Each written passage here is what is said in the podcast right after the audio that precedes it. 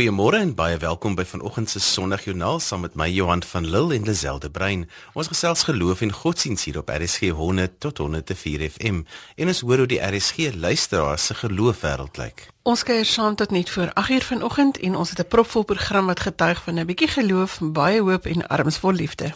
Ons gesels vanoggend met professor Flip Buys van die Noordwes Universiteit en uitvoerende direkteur van World Reformed Fellowship wat 'n paar gedagtes deel oor die waarde van 'n getuienis en ons praat ook met mimiekmeester John Jacobs oor sy passie vir Jesus. Ons hoor van die akteur Hytjie Berg oor sy geloofspad en die maatskaplike werker Trewonia Lekay vertel van haar roeping en werk by die Herberg Kinderhuis in Robertson. En laasens gaan Dominee Erik Sonnepool van In Context Ministries ons inspireer vir die week wat voorlê met 'n paar gedagtes oor hoop. Jy kan al die inligting van ons gaste kry op RSG se webwerf by rsg.co.za en dit is ook op Sondagjoernaal se Facebook bladsy. Tik Sondagjoernaal met 'n koppelteken in by die soekopsie en dan sal dit jou by al die inligting uitbring. MUZIEK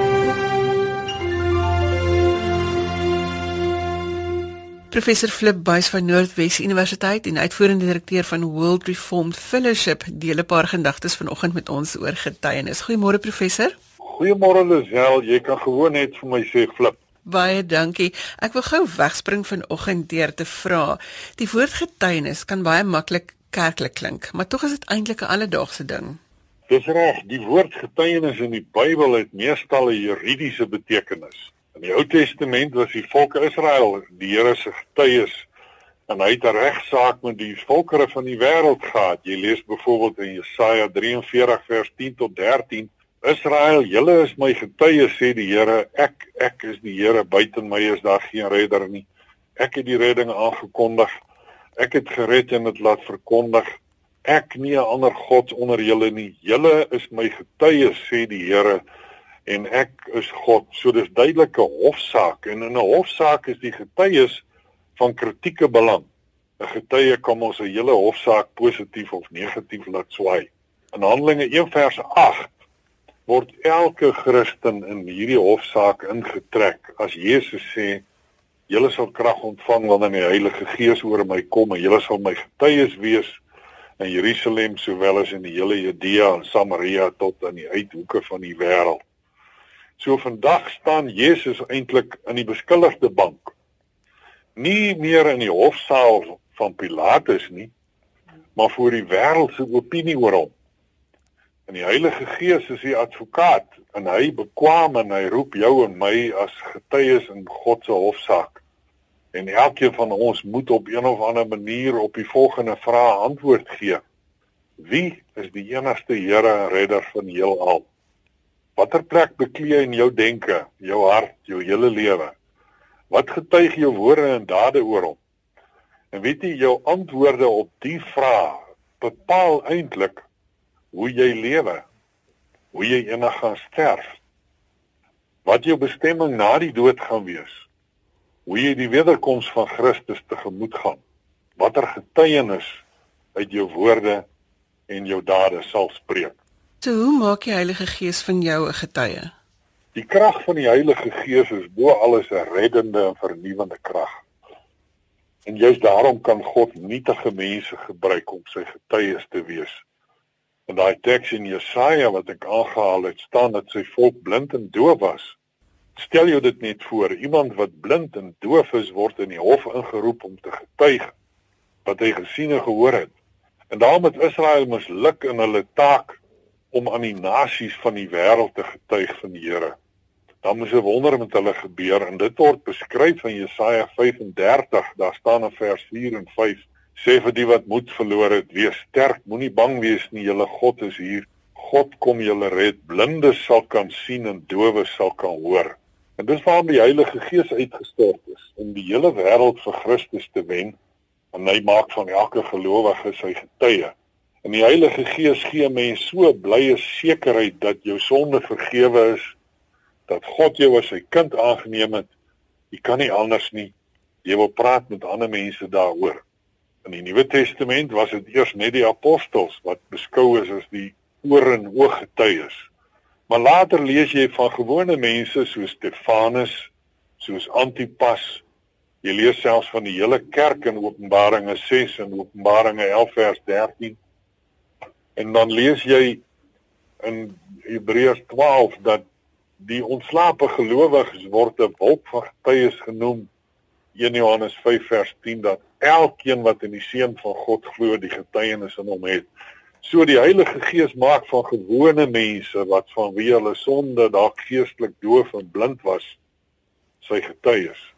Hy bring jou tot 'n nuwe groeiende besef van wie Jesus regtig is ook in jou persoonlike lewe. Professor Flip, wat behoort die kerninhoud van ons getuienis te wees? In die Nuwe Testament is die kerninhoud van ons getuienis eenvoudig hierdie woorde: Jesus is Here. Dit was die belydenis van die eerste Christene en om te getuig en om te bely is dieselfde ding. Jesus Christus het van homself as God gepraat. En as jy hom nie as Here en God ervaar nie, aanvaar nie, sou jy moet sê hy was 'n leenaar of 'n kranksinnige. C.S. Lewis, 'n bekende professor in Engelse letterkunde van die Cambridge Universiteit wat eers self 'n agnostikus was en die waarheid van die Bybel heeltemal betwyfel, het later tot bekering gekom en 'n hele aantal boeke geskryf waarin hy die waarheid van die evangelie verdedig. En hy sê in een van van sy boeke hierdie skerp woorde: Dis regtig baie dom as geleerde mense sê hulle wil wel aanvaar dat Jesus 'n belangrike morele leraar was, maar nie God en Here nie. As iemand wat net 'n gewone mens is vandag die dinge sou sê wat Jesus van homself verklaar het en die apostels en die eerste Christene oor hom bely het, dan sal ons sê so iemand is kranksinnig en sy navolgers misleide bedrieërs. Jy kan nie anders nie sê C.S. Lewis jy moet 'n keuse maak. Jesus was en is of die seun van God en Here van ons lewe of hy was 'n kranksinnige of iets ergers. Hy sê jy kan Jesus toesluit as 'n kranksinnige, jy kan op hom spoeg as 'n duiwel of jy moet voor sy voete neerval hom val en hom as God en Here bely. Dis eenvoudig nie moontlik om die meer buigende dinge kwyt te raak dat hy maar net 'n besondere morele leraar was nie. Nou Lisel in 'n gewone hof moet 'n getuie eerstens 'n eed neem dat hy die waarheid en niks minder of niks meer as die waarheid sal vertel nie. Ons moet ook die waarheid vertel wanneer ons oor Jesus getuig. Of 'n mens dit nou wil weet of nie, jy's elke dag van die môre tot die aand met jou woorde en jou optrede 'n ambassadeur, 'n getuie van die Here wat jy dien. En meestal praat jou dade ook baie harder as jou woorde. Daarom word ons dikwels in die Bybel beveel om ons lewenswandel onder ongelowiges rein te hou en nie met ons gedrag 'n blaam te bring op die evangelie nie. In 'n gewone hof is 'n mens veral getuie deur dit wat jy sê. Jy kan nie 'n effektiewe getuie van Christus wees as jy nooit met jou mond oor hom praat nie. So professor Flip om saam te vat, hoe word ons getuienis persoonlik? Wanneer jy met mense praat, moet jy ook vertel wat die Here se liefde vir jou persoonlik beteken, selfs in die donkerste tye van jou lewe. Toe as jy dit so mooi verwoord in sy beruiming van die bekende Psalm 66 vers 7 hy geskryf het: Kom luister toe, o Godgesinde, kom almal wat die Here vrees. Ek sal vertel aan al sy vriende wat hy gedoen het aan my gees. En daar's meer plekke in die Bybel op die Psalms waar dit staan dat jy ook praat oor wat die Here in jou persoonlike lewe vir jou beteken het. Professor baie dankie dat u vanoggend vir ons 'n lig gewerp het op die manier waarop ons ons persoonlike getuienis moet en kan uitdra en wat dit beteken. Baie dankie en baie seën vir hierdie program. Disel was 'n gesprek met professor Flip Buys oor die waarde van jou getuienis. Goeiemôre as jy sopas ingeskakel het. Jy luister na Sondagjoernaal op RSG 100 tot 104 FM en ons gesels geloof en godsdiens vroeg hier op 'n Sondagoggend. Joanita Du Plessis maak vir ons musiek vanoggend. Ons gaan luister na Hoe kan ek stil bly? Bly ingeskakel net hierna as ons terug met John Jacobs wat gesels oor sy manier van getuienis uitdra deur middel van mimiek. Hoe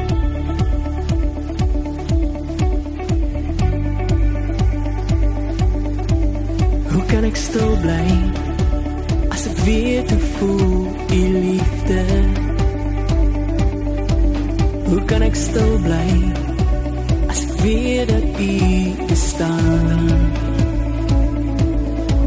Hoe kan ek lewe sonder om vir u te lewe? En hoe kan ek sing sonder om vir u te kan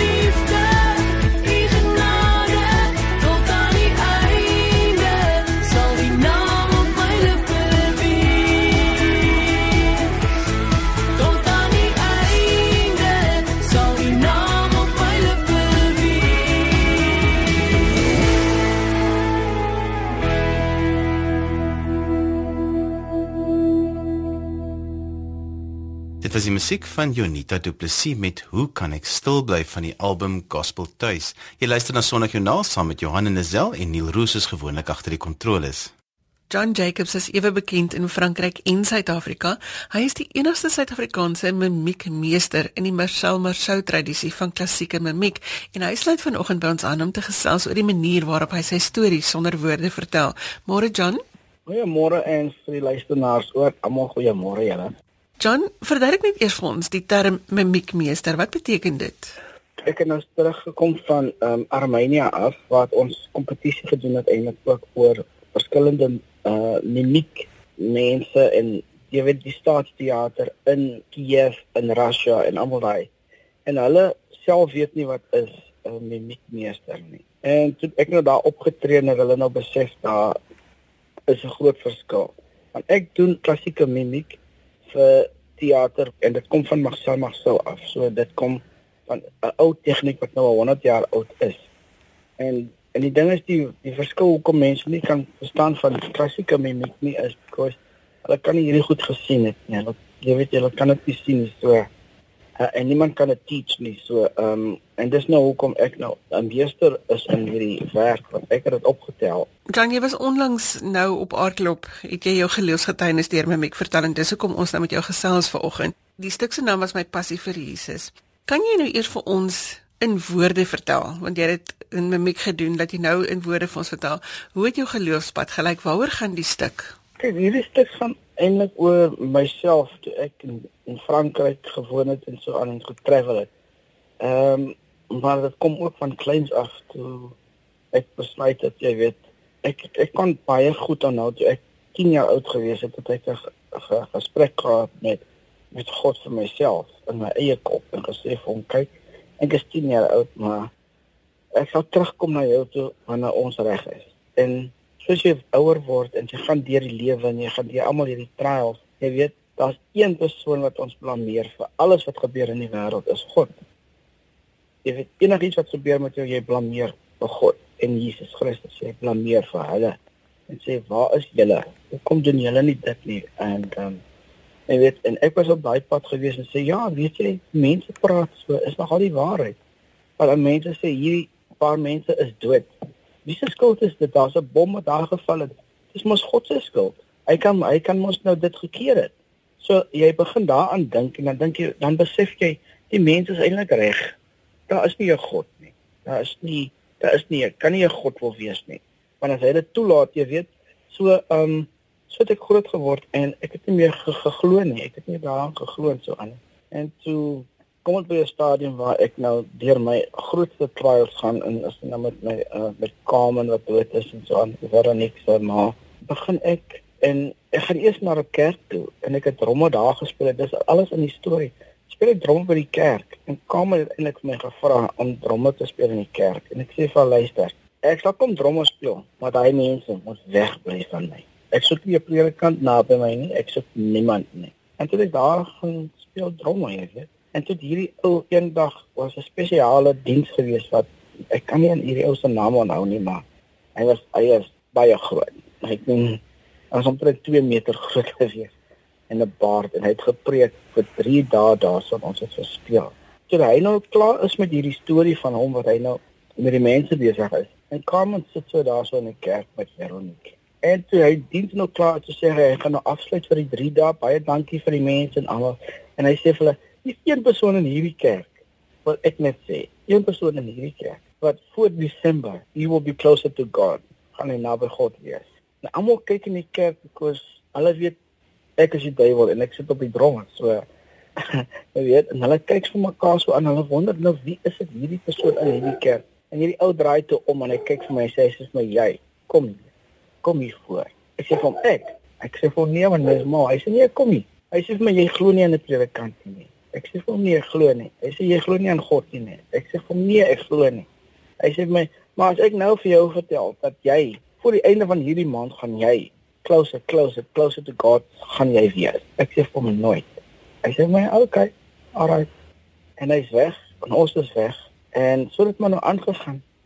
En na ek kan onthou dit was November maand gewees. Toe begin ek elke aand slaap met my Bybel. En ek slaap nog steeds met my Bybel voor op my bors. My geloof het net so vinnig omgedraai en soos ek nou is, slaap ek nooit sonder my Bybel. Ek meen, ek kan ek as ek begin bid, dan vra ek vir Jesus.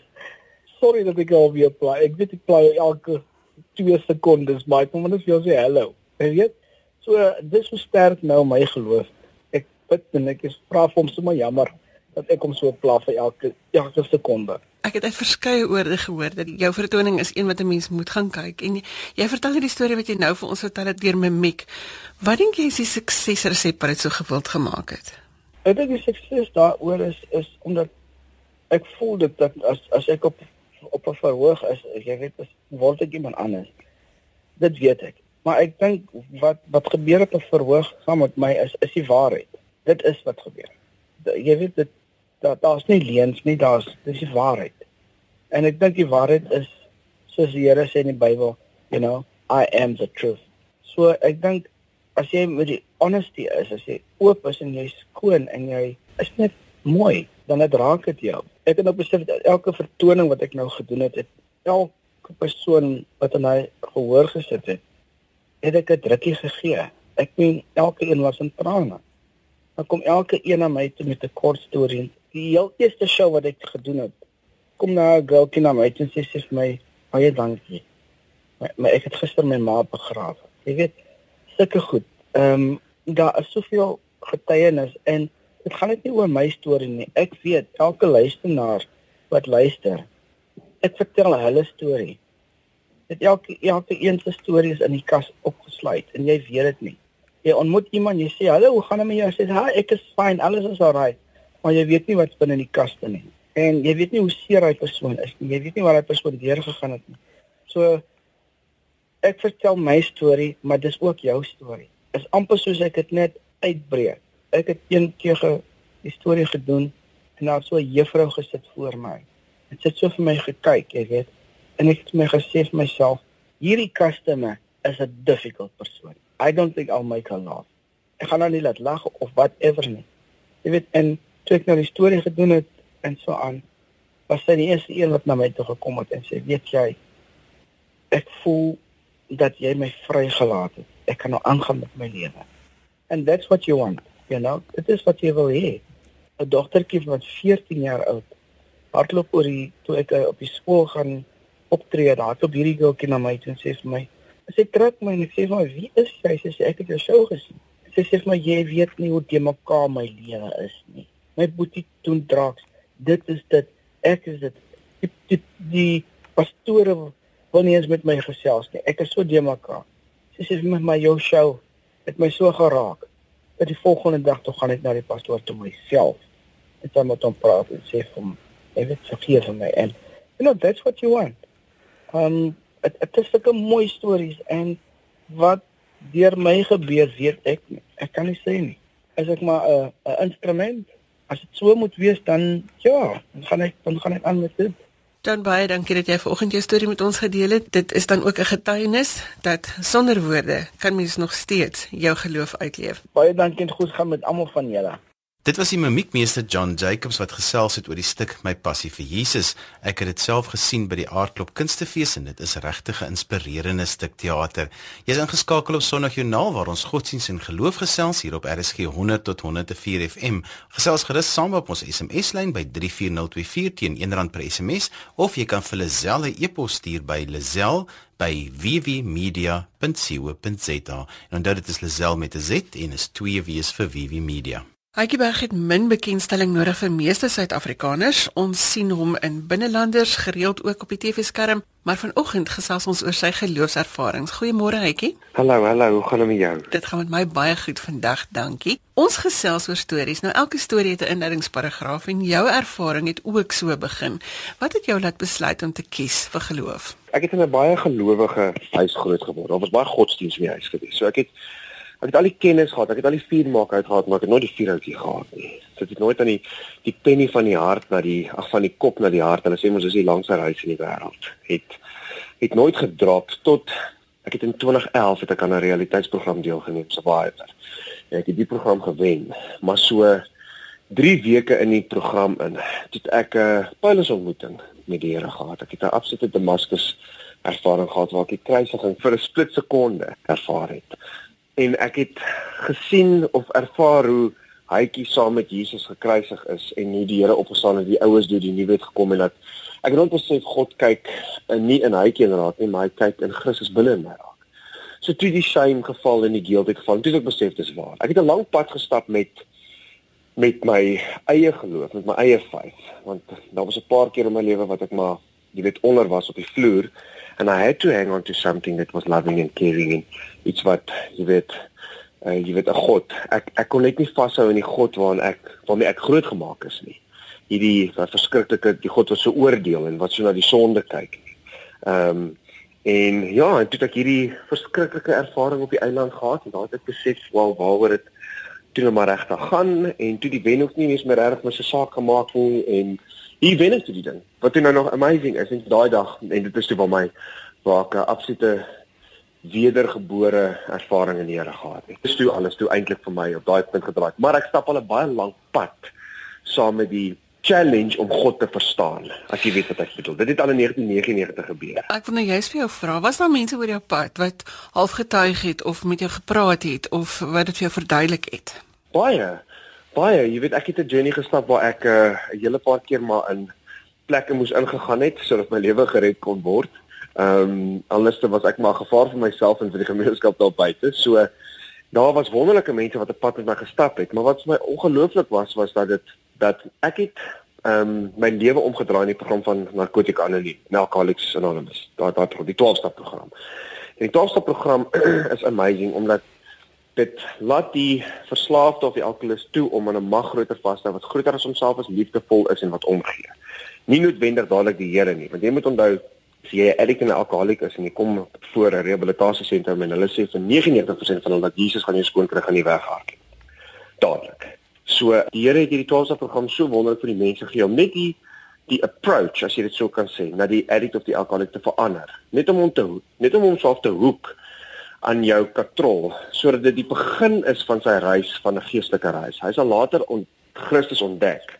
Maar dit is belangrik wat wat in reeds vir 'n persoon gesê word is jy moet jou idee van godsdiens en wat die kerk en wat wat die samelewing in jou kop ingeprop het oor whatever dit is jy glo met die fire.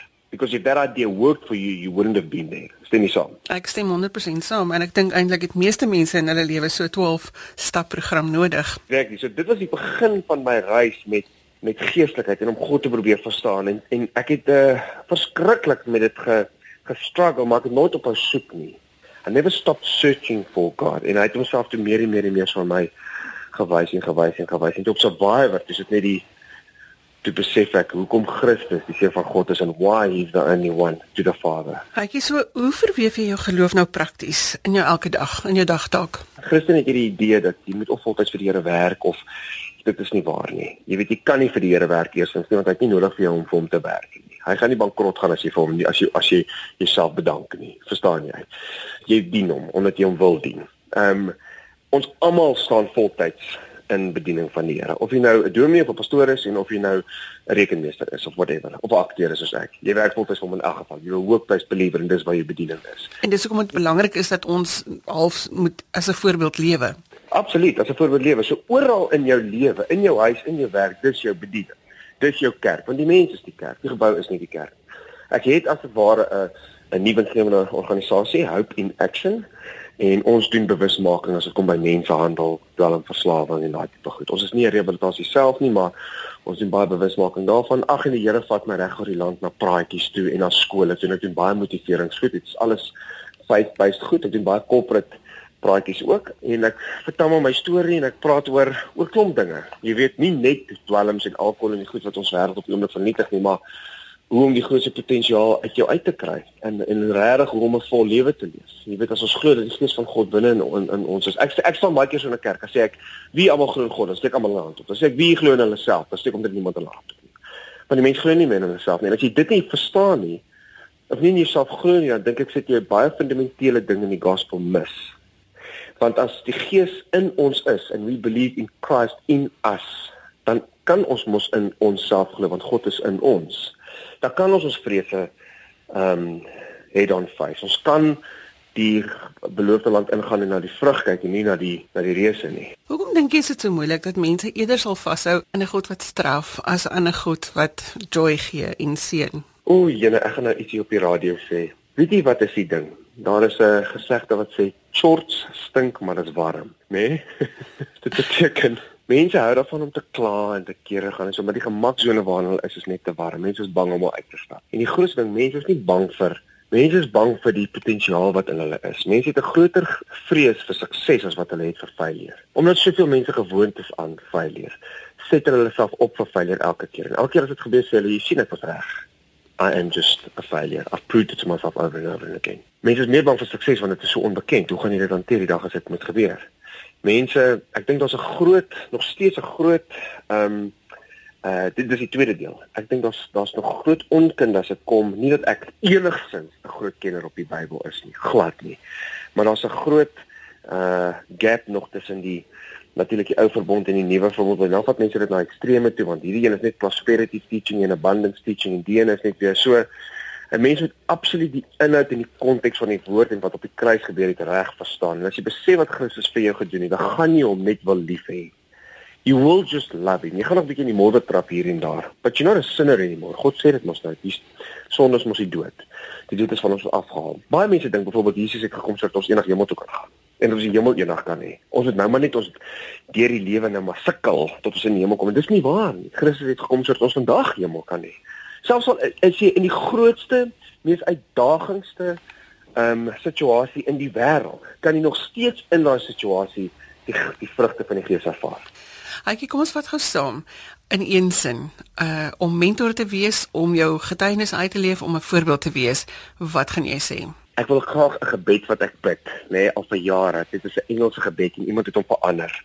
En ek wil dit graag sê. Daar's 'n gebed wat sê God grant me the serenity to accept the things I cannot change, the courage to change the things that I can and the wisdom to know the difference. Toe iemand gegaan en hom verander en gesê, God grant me the serenity to accept the people I cannot change, the courage to change the people that I can and the wisdom to know that that person is I. Dis die kruks van alles dink ek. Dis 'n lekker samevatting. Hykie, baie dankie dat jy vanoggend saam met ons gesels het. Groot plesier. Jy moet 'n wonderlike dag hê. Dankie dat ek saam op RC kon kuier en ek hoop om weer met julle te chat. En so gesels die akteur Hytjie Berg oor sy herstel van verslawing en sy geloofspad.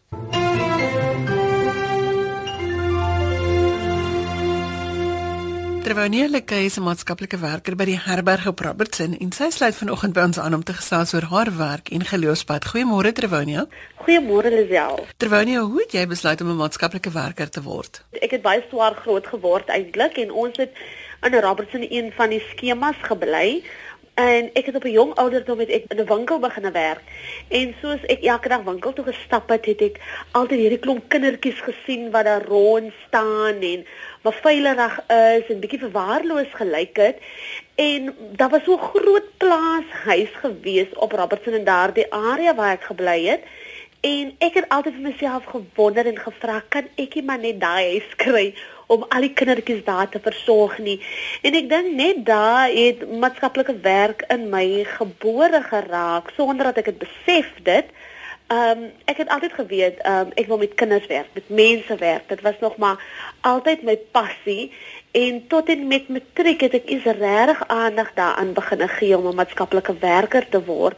Maar die liefde vir kinders en die liefde vir mense was maar nog altyd daar, was nog altyd deel van my gewees. Hoekom dink jy is dit belangrik dat ons so moet leef dat ander die verskil in ons lewens kan raak sien? Weet jy, ek dink ons het so baie gebroke mense in ons in ons lewe, in ons wêreld, in in ons land. Is so mense wat so nodig het om God te sien. En ek dink vir baie mense is ons gaan ons enigste Bybel wees wat hulle wat hulle wat hulle gaan lees wat ons optrede, hoe ons met hulle praat, hoe ons met hulle omgaan, gaan vir hulle 'n teken wees van van daai liefde van Jesus. Daai ehm um, omgee van Jesus. Ek dink dit is belangrik dat ons as mens ander mense moet aantrek deur ons lewenswyse. Mense moet kan sien iets is anders van die, daardie persoon en moet wil meer weet wat is daar wat wat het daai een wat hom so anders te maak. Ek dink dit is die enigste manier hoe ons in vandag se tyd wil ek sê die woord kan verkondig. Jeremia is vir jou 'n belangrike boek in die Bybel. Daar's eintlik so baie boeke in die Bybel waaroor ek baie gaande is, maar op 'n jong ouderdom het een spesifieke gedeelte in Jeremia um, my hele lewe kom verander. Is Jeremia 29 vers 11 sê ek ek weet wat ek vir jou beplan, sê die Here jou God, voorspoed en nie teëspoed nie. Ek wil vir jou 'n toekoms gee, 'n verwagting en ek dink dat die Here my pad langs kom en ek daardie gedeelte lees en daar vir my heeltemal 'n nuwe wêreld oopgegaan om te dink dat hy dat hierdie Here, hierdie God vir my 'n mooi toekoms het. Hy vir my mooi planne het, 'n sonder wat dit nie verdien nie, maar nog steeds sê vir my my kind, ek het vir jou 'n toekoms en ek dink ek glo tot vandag toe dis die rede hoekom die Here vir my ehm um, geseën het. Ek kan dit sê geseën het waar ek vandag is, is daar ek het vasgehou in dit. Het vasgehou aan daardie woorde wat die Here gemaak het dat hy het vir my 'n blink toekoms ten spyte van waarheen ek gaan, ten spyte van die probleme, ten spyte van die alledaagse uitdagings, hy het vir my 'n to 'n mooi toekoms. Maatskaplike werk is nie maklik nie, veral in hierdie dag en datum en nou werk jy nog met kinders ook. Nee, dit is nie 'n maklike werk nie. Ek sê altyd maatskaplike werk is seker een van die ondankbaarste werke wat mens kry, want daar is so min wat mense terugdraai en vir jou net dankie sê. Maar ek dink dis so 'n belangrike werk. Ek dink maatskaplike werk, ehm um, het jy so nodig om naby God te leef, want dit is hy wat vir jou die geleentheid gee om tot 'n mens se hart te spreek waar mense wanneer iemand na maatskaplike werker toe kom dan dan het jy nou al die swaar kant van die lewe beleef. Maak nie saak deur wat nie. Um, jy kom dit is dit is as gevolg van jou moeilike omstandighede wat jy voor 'n maatskaplike werker sit. En ek dink jy as maatskaplike werker het dan daardie ietsie in jou en as jy jou oor by God se mond hou dan gee die Here vir jou daardie woorde om iemand se lewe te kan verander vir die beste Wat is die uitdaging vir gesinne vandag vir vir die kinders met wie jy werk? Wat is hulle omstandighede? Weet jy kom ek sê uh, ja, my kinders is vir my regtig so 'n blessing. Ek sê altyd ek het 122 kinders en ek is eintlik die bevoorregte een om in hulle teenwoordigheid te wees want net daai verskil wat jy sien wat jy maak. Hulle kom op 'n punt waar hulle vir jou as volwassene bemoedig en dan besef ek net eintlik hoe bevoorreg ek is om deel van hierdie kinders se lewens te kan wees. Ja, ons kinders kom uit moeilike omstandighede en ek dink die grootste ewel vandag is ook maar ouers wat nie tyd saam met hulle kinders spandeer nie. Ouers wat kinders wat geskenke en geld aan die plek wil gee van aandag en van tyd. Kinders van vandag het tyd nodig. Hulle het jou aandag nodig as 'n ouer. Um, dit is dit is een van die groot dinge vir my en dan ook natuurlik die grootste ewel is dwelms. Dwelms, alkoholmisbruik, um, wat veroorsaak dat gesinne uit uit uitmekaar geruk word, wat veroorsaak dat kinders in kinderhuise opeindig. Ook dan natuurlik baie van ons kinders um, seksuele slagoffers um, wat veroorsaak dat hulle dan in die kinderhuis opeindig, ja. Terwyl jy word met baie hartseer gekonfronteer, wat is die een ding in die Bybel of in jou geloof waarin jy vashou om jou deur hierdie dinge te dra? Ja, um, ek dink so baie van ons gaan deur pyn en lyding um, elke dag, maar jy weet daar is vir my so 'n mooi gedeelte. Dit is baie goed wat vir my um, wat wat wat ek kan vashou aan die Here en daar's 'n paar in die Bybel wat vir my uitstaan. Psalm 139 is vir my so mooi en die opskrif is die goddelike alwetendheid. Net die feit dat ek weet die Here het my gemaak. Die in Psalm 139 staan dat ek ken jou sit, ek ken jou opstaan, ek ken jou gedagtes nog voor dit by jou opkom. Ek het jou in jou moeder skoot saamgeweef. Dan besef ek net die Here moet 'n doel met my hê. Hy sal nie vir my in 'n situasie insit wat ek nie kan hanteer nie. En ek glo tot van tot vandag toe dat die Here vir my in hierdie kinderhuis geplaas het. En dit is goed wat vir my staan nou dat die wete dat ek weet, dis 'n lieddigter wat sê omdat hy leef sien ek kans vir môre. En ek besef dit in elke dag dat die Here gee vir my die krag om hier, om elke dag te kan opstaan en elke dag my werk kan doen. Maak nie saak hoe moeilik dit is nie. Hy is die een wat my toekoms vashou. Um da daar's ook 'n gedeelte in die woord wat sê hy wat binne my is, is groter as hy wat in die wêreld is. So maak nie saak met wat ek gekonfronteer word nie. As ek my hand in God se hand sit, my swak hand in sy almagtige hand sit, weet ek hy is die een wat vir my deurdra van dag tot dag en net om 'n kind se gesig te sien, daai glimlag wat 'n mens op 'n kind se gesig sit, maak dit vir my die moeite werd. Terwyl baie dankie dat jy vanoggend jou storie met ons gedeel het. Dit is 'n plesier, Lisiel. Jy luister na Sondag Joernaal net hier op RSG 100 tot 104 FM en wêreldwyd by rsg.co.za. Jy kan ook inskakel op DStv se audiokanaal 813 en ook daarna ons luister. Ons uurglas is so te sê leeg en vir 'n laaste woord is Dominee Erik Swanepoel by ons in die ateljee. Dominee Erik Swanepoel is van In Context Ministries. Goeiemôre Dominee Erik. Môre Lisel, môre Johan, dis lekker om hier te wees. Ons gesels vanoggend oor hoop. Is daar nog iets vir ons om oor hoopvol te wees? Jogg Lisel, ek ek dink uh, as 'n ou na Suid-Afrika kyk en jy kyk wat is die goed wat deur die media vir ons gevoer word wat die realiteit is van ons daaglikse omstandighede. Uh ek dink byvoorbeeld dat nou op die kaarte is is die hele goed rondom die onderwys op universiteite. Ons hoor oor plaasmoorde. Daar is hier naby ons in Mamasbury is daar iemand vermoor. Ons hoor dat die rand sy waarde voor. Die Suid-Afrika bereik amper rommelstatus. Wat gaan van my pensioen word? Waar gaan my kinders uh, studeer? Da, Daar's oor en oor en oor hierdie goed wat deur verskillende mediums na ons toe kom wat as dit ware mense se hoop kom steel as 'n uh, ou rondom 'n braaivleisvuur staan of 'n ou het ergens 'n kuier saam met mense is een van die grootste punte op die gesprekslys is hoe negatief mense is en hoe pessimisties mense is. En, en dink ek is ons in 'n tyd waar ons onsself bevind waar ons juis honger is vir 'n boodskap wat sê daar is rede om hoop te hê. Ek wonder baie keer of die duiwel die kerk nie geskaak het nie. Want is dit nie juis gelowiges wat rondloop met 'n houding van negativiteit en is daar nog hoop vir my kinders en vir ons uh, land in die situasie? Lisel Johannes ons na die Bybel kyk, dan sê die Bybel daar is altyd hoop. Ek hoor so 'n tydjie terug 'n gesprek, toe toe sê die ou uh, uh, hy sien die Here op sy troon in die hemel sit en dan roep hy vir Gabriël nader aan sy hoor die Gabriël bring bietjie vir my die koerant of kan jy gou vir my kyk wat môre op die nuus is of wat vanmiddag uh, wat vanmiddag uitgesaai word op op die televisie So asof die Here nie weet wat môre en oormôre gaan gebeur nie, terwyl die Here in die middel van alle omstandighede is om uiteindelik te sê ek is die bron van lewe. Die Bybel sê vir ons goed sal soos wat die einde nader kom, al hoe slegter en slegter gaan. So die feit dat die wêreld in die chaotiese omstandighede is, moet juis vir Christene sê, die Bybel is waar. Jesus leef, die goed wat hy voorspel het gebeur. En dit het net maar die teenoorgestelde reaksie in Christene se lewe. Ek dink byvoorbeeld aan die teks van Moses. Ek lees dit vanoggend weer wa- waar waar die die Israeliete nie kan vorentoe gaan nie. Dis die die see en links en reg is berge en agter hulle is al wat hulle bedreig dood. En dan murmureer hulle hulle sê vir, vir Moses, "Hoekom het jy ons nie eerder in Egipte gelos nie? Ons is besig om ons gaan sterf hier. Hoekom kon ons nie maar in Egipte bly nie?" En dan vra die Here vir Moses, "Hoor jy hoekom kla die hoekom kla my volk so? Wat maak hulle angstig? Het hulle nie geweet ek sal vir hulle uitkoms gee nie?" Ek dink aan daai teks in in Esegiel 37 van die droë bene waar die Here vir Esegiel vra kan daar lewe kom in hierdie doodsheid?